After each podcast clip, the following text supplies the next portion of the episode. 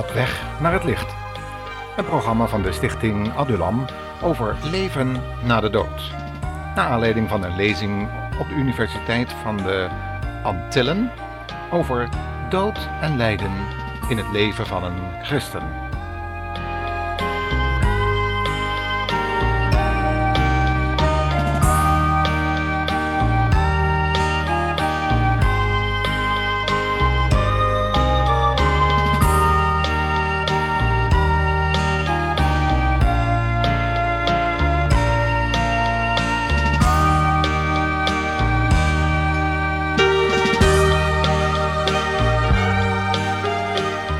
Dit is het derde deel van een serie uitzendingen over leven na de dood. Naar aanleiding van het sterven van een christenstudent en een docent aan de Universiteit op de Nederlandse Antillen. In onze vorige uitzendingen hebben we met elkaar nagedacht over of leven na de dood nu een fictie is of werkelijkheid. Of er eigenlijk wel leven is in het zogenaamde dodenrijk. En we hebben gezien dat daar hele verschillende antwoorden op gevonden kunnen worden.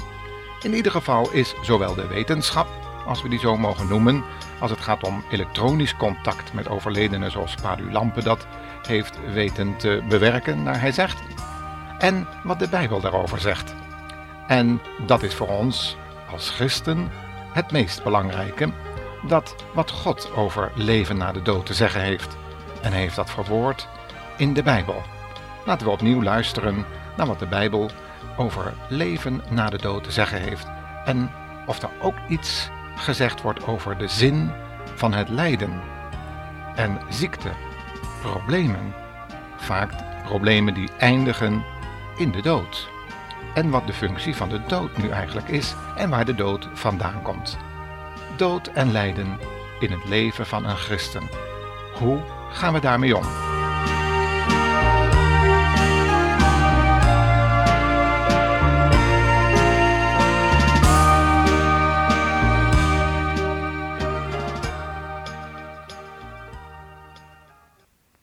We willen samen beginnen met de Bijbel open te staan en wel bij de woorden van de Heer Jezus uit Lucas 16, vers 19 en vervolgens.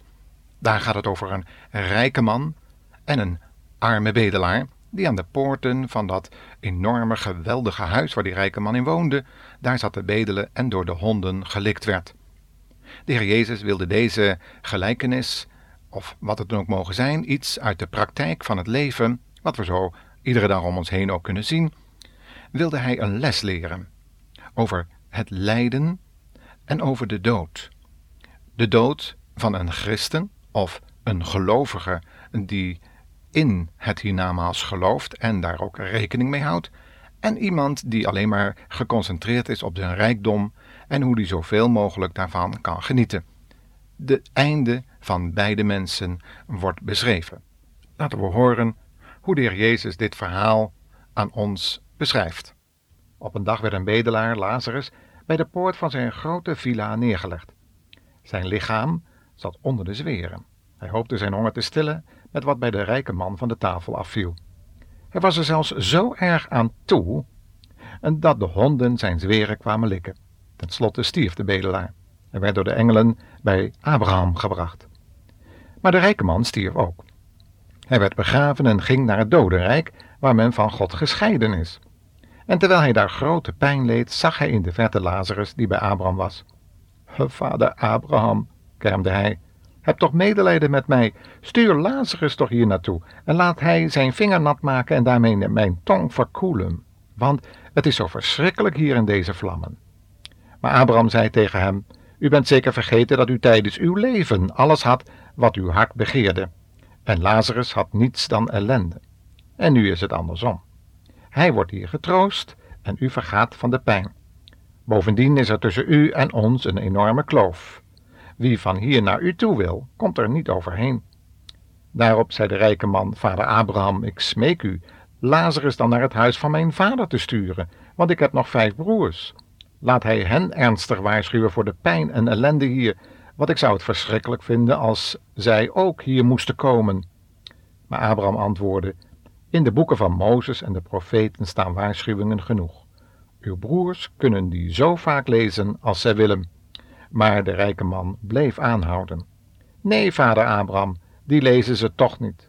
Maar als iemand uit de dood terugkomt en hen waarschuwt, dan zullen ze hun leven zeker beteren. En tot zover dan de schriftlezing van wat de Heer Jezus over dat dodenrijk te vertellen had. We zijn benieuwd hoe in deze lezing vader Abraham daar als het ware een antwoord geeft over leven na de dood en als er doden zouden opstaan en zouden gaan prediken aan de mensen die hier op aarde leven. Dat wil Padulampe zeggen en anderen dat dat mogelijk is en veel spiritisten geloven dat ook. In het vervolg van de lezing die we zo dadelijk zullen horen in een universiteit op de Nederlandse Antillen zullen we het antwoord horen. Tja, wat zei deze Abraham als antwoord op de vraag van deze rijke man in het dodenrijk?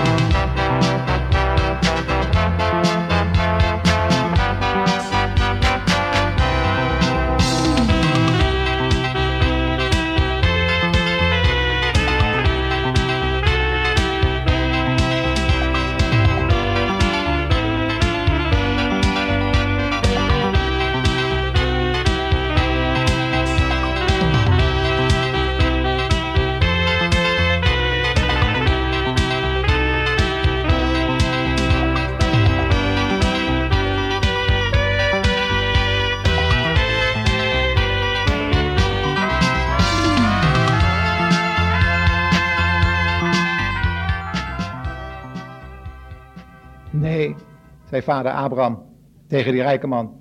Al zouden ze uit de doden opstaan, ze zullen toch niet naar je luisteren. Als we het getuigenis van God niet aannemen, ze hebben de Mozes en de profeten, laten ze die horen. Het staat zwart op wit. Nou, als je dat niet aanneemt, en je wil verschijningen geloven, en je wil via padulampen en via radiotechniek, wil je cassettebandjes afluisteren met allemaal stemmen van overledenen die al tientallen jaren overleden zijn, wat die allemaal te vertellen hebben kunt dat allemaal lezen in dat artikel. Heel interessant. Maar als je dat belangrijker vindt dan het woord van God, dan word je bedrogen waar je bij staat. Paulus zegt in de tweede Thessalonicense brief, dat er zullen krachten, tekenen en wonderen zijn, maar uit het dodenrijk, ja inderdaad. En dat dodenrijk, daar komen de demonen vandaan, die zich hullen in de gestalte van een engel van het licht. En hoe zouden zijn dienaars zich dan niet veranderen als waren zij engelen van het licht, schrijft Paulus aan de tweede Korinthebrief, in de tweede Korinthe. Hij zegt daar een andere Jezus hebben jullie aangenomen, een andere geest en een ander evangelie. Een zogenaamde blijde boodschap, zoals deze Palulampen en die, en die Miek verkondigd hebben. Een blijde boodschap, je hoeft niet meer bang voor de dood te zijn. We hebben nu zelf gehoord hoe fijn ze dat er allemaal hebben. Luister maar. Via de elektronica kan je door doden horen spreken hoe goed ze het daar hebben. En daarom heb ik ook een van de onderwerpen zo genoemd. Dat is elektronisch spiritisme. Of spiritisme via de elektronica. Voor de duivel zijn niet veel dingen onmogelijk.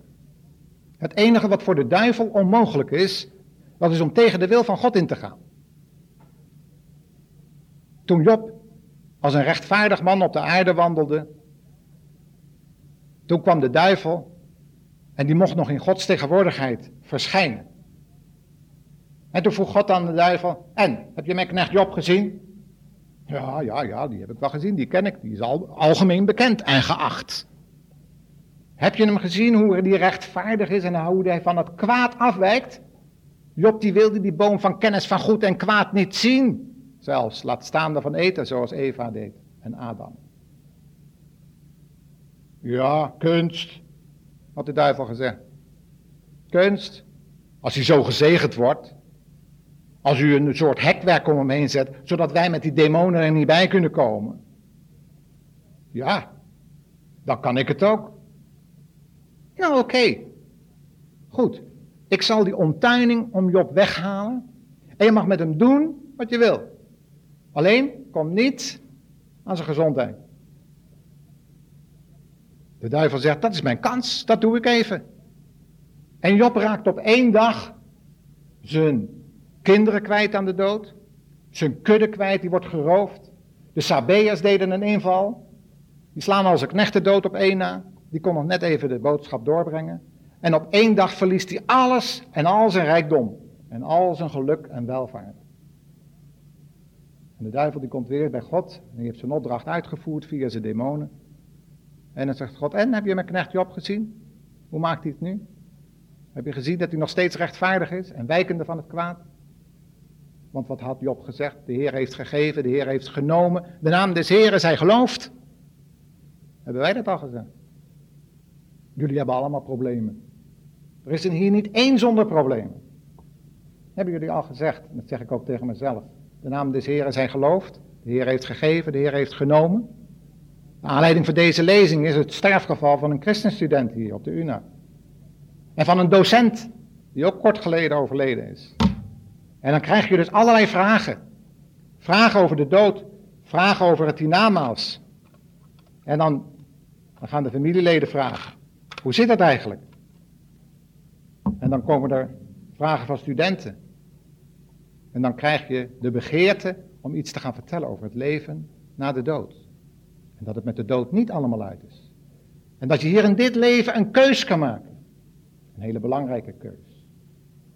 En Job heeft die keus gemaakt. Daardoor kon hij dat zeggen. Geweldige geloofsuitspraak. Maar toen zei de duivel, hij had nog, alles, nog meer pijlen op zijn boog. Hij zegt, ja, ja, maar maak hem nou maar eens ziek. Zodat hij er eens sterft. Nou, is goed, zegt God. Oké, stuur een ziekte. Doe maar wat je wil. Dan weet je gelijk dat inderdaad ziekte vaak bij de duivel te vinden is. Ik ga niet zo ver dat ik zeg dat ziekte altijd bij de duivel vandaan komt. God zelf kan ook ziektes zenden. Hij stuurde die doodsengel daar in Egypte en alle eerstgeborenen werden rechtstreeks gedood door de hand van God. En hij stuurde ook zijn eigen engelen en dan vielen er tienduizend op één dag. Dat is voor God een kleine moeite. Hij spreekt en het is er. En hij gebiedt en het staat er. Maar de Satan wordt soms de knecht van God genoemd. De smid van de vurige oven. En hij kan niets doen buiten de wil van God om. En zo gaf God toestemming aan Satan, doe je werk maar. Je bent de mensenmoorder van de beginnen, maar je mag alles doen. Je mag Job ziek maken, je mag zijn huwelijk kapot maken. Maar één ding doe je niet. Je komt niet aan zijn leven. Je laat hem leven met al zijn zweren. Die zweren zullen niet tot de dood leiden. Tot zover.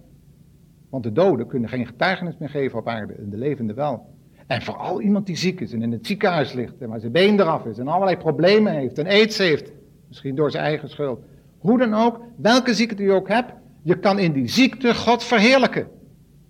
Als ik zwak ben, ben ik machtig, zei Paulus. Of nee, dat zei God tegen Paulus. En het antwoord van Paulus was: Oké, dan ga ik roemen in mijn zwakheden. In mijn, ga ik een welbehagen hebben in smaadheden, verdrukkingen en vervolgingen. Paulus was veel ziek. Kunst, als je zelfs gestenigd wordt en onder die stenen vandaan wordt gesleurd als bijna dood. Daar had hij een bijna doodervaring waarschijnlijk. Waarin hij opgetrokken werd tot in de derde hemel. En daar getuigenis van aflegt zonder precies te vertellen wat hij meegemaakt heeft. Komen we nog wel op vanavond. Ik hoop dat u even tijd neemt. Misschien loopt het wat uit. En misschien moeten we er wel een tweede lezing aan vastknopen. Als u belangstelling hebt, dan mag u daar aan het einde dat invullen op dat papiertje. Of uw vinger opsteken. Want ik wil er graag veel meer over zeggen. Ik kan alleen maar een inleiding houden. Maar er is veel meer over te zeggen. Maar in ieder geval, Job getuigde opnieuw. De Heer heeft gegeven, de Heer heeft genomen. En hij zat onder de zweren en de honden kwamen hem lekken, likken. En met een pot scherf zat hij zijn zweren te krabben. Heeft u wel eens een aidspatiënt gezien? Helemaal onder de zweren. Jeuken, verschrikkelijk. Zo moet Job eruit gezien hebben. Afschuwelijk. En zijn vrouw, die zag het niet meer zitten. Met zo'n man in bed, afgelopen. Hoeft niet meer. Stinkt. Allemaal open wonden. Ruikt echt niet zo lekker hoor, als het pus eruit komt. Die honden vinden dat lekker, maar die vrouw niet. En die zei, zegen God en sterf. Met andere woorden, vloek God en sterf. En ze maakte dat ze wegkwam. Het huwelijk was stuk. Dat heet de duivel.